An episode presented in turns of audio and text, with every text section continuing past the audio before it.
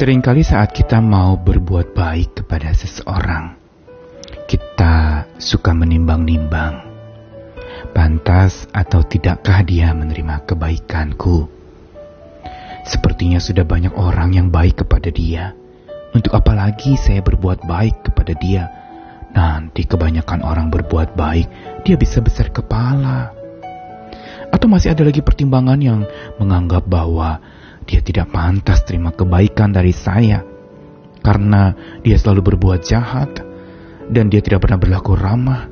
Dia musuh saya. Tidak akan pernah saya berbuat baik kepadanya.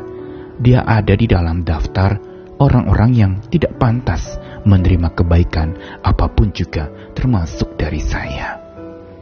Dan masih banyak lagi pertimbangan-pertimbangan yang membuat kita lalu kemudian jadi menunda atau membatalkan berbuat baik kepada orang lain.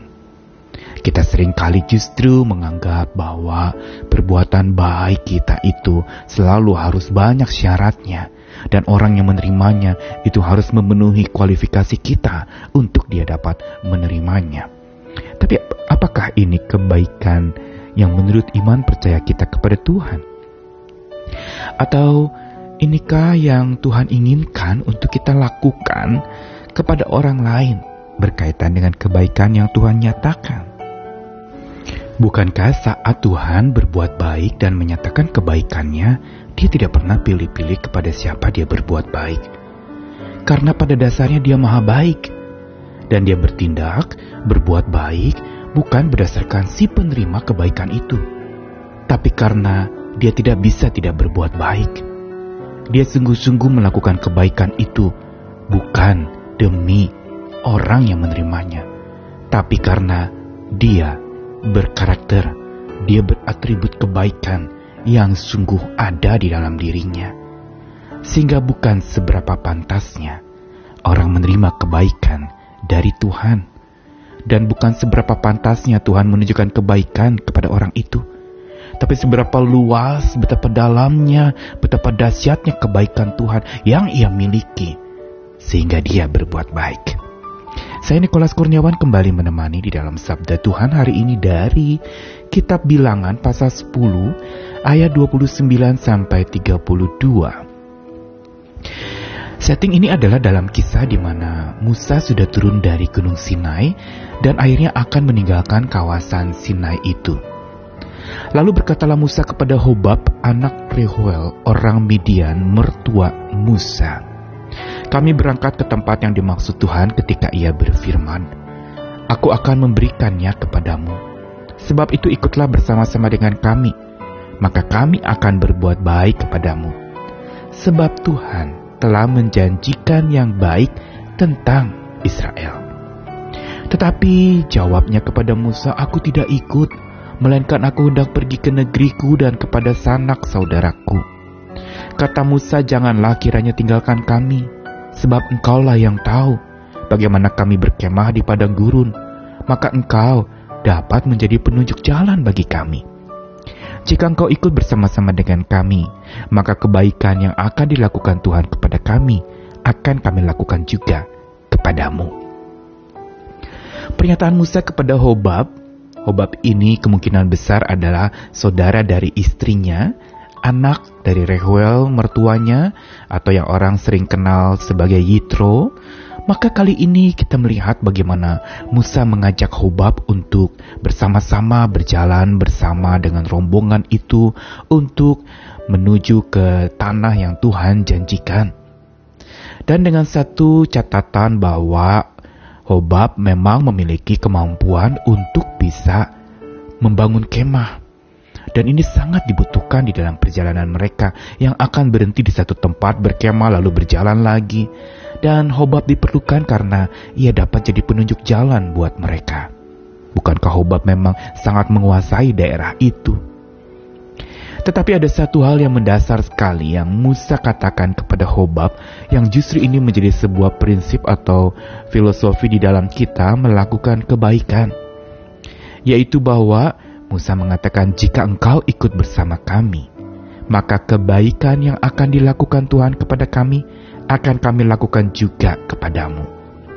Musa memiliki sebuah prinsip iman dan kebaikan yang sangat dalam dan sesuai dengan apa yang Tuhan kehendaki. Yaitu bahwa kebaikan yang Tuhan lakukan itu adalah untuk supaya kita yang menerimanya melakukannya juga kepada orang lain tanpa memikirkan pantas atau tidakkah orang itu, tanpa memikirkan dia punya keahlian atau tidakkah orang itu, tanpa memikirkan juga tentang jabatan atau posisi atau mungkin gelar yang dimilikinya atau kemampuan-kemampuan serta keterampilannya. Bukan itu yang jadi alasan seseorang berbuat baik. Tetapi alasan yang paling besar untuk seseorang berbuat baik adalah karena kebaikan yang maha besar yang Tuhan sudah tunjukkan kepada setiap kita. Inilah sebenarnya yang harusnya menjadi landasan kita berbuat baik bukan juga supaya kita menjadi lebih baik atau mendapatkan kebaikan maka kita berbuat baik. Tetapi justru kita berbuat baik berlandaskan luasnya kebaikan Tuhan. Luas yang berarti panjangnya kebaikan Tuhan, dalamnya kebaikan Tuhan, lebarnya kebaikan Tuhan, tingginya kebaikan Tuhan. Itu yang harusnya menjadi landasan sehingga kita harusnya sebagai orang percaya yang memahami Allah Maha Baik dan mengalami juga Tuhan Maha Baik dan melakukan kebaikan itu buat kita. Tidak bisa tidak, kita akan berbuat baik terus tanpa henti, tanpa memikirkan pantas atau tidakkah orang itu menerimanya. Inilah yang disebut anugerah.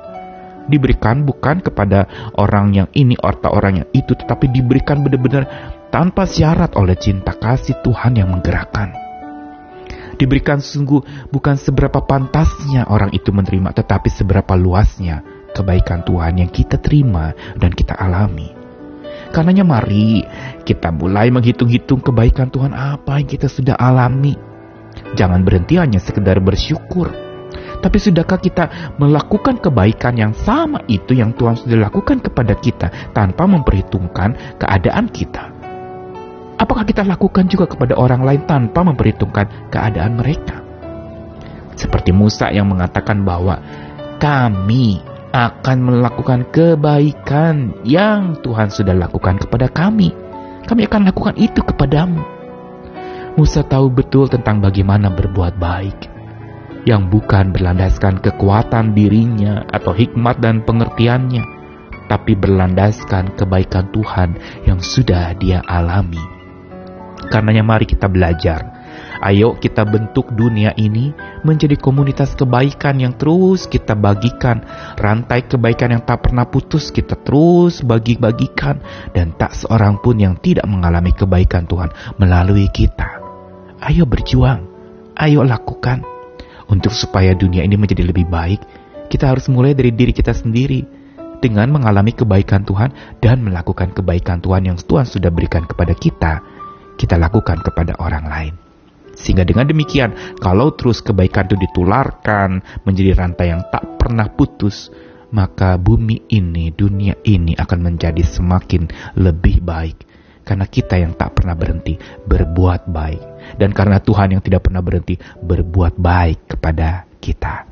Selamat terus berjuang, tunjukkanlah kebaikan itu, biarlah kebaikan kita diketahui oleh semua orang dan nama Tuhan dimuliakan karena apa yang kita lakukan. Tuhan mengasihi kita sekalian, Tuhan selalu berbuat baik kepada kita. Ayo, perbaiki bumi ini, perbaiki dunia ini dengan terus berbuat baik dan memancarkan kebaikan Tuhan kepada mereka. Amin.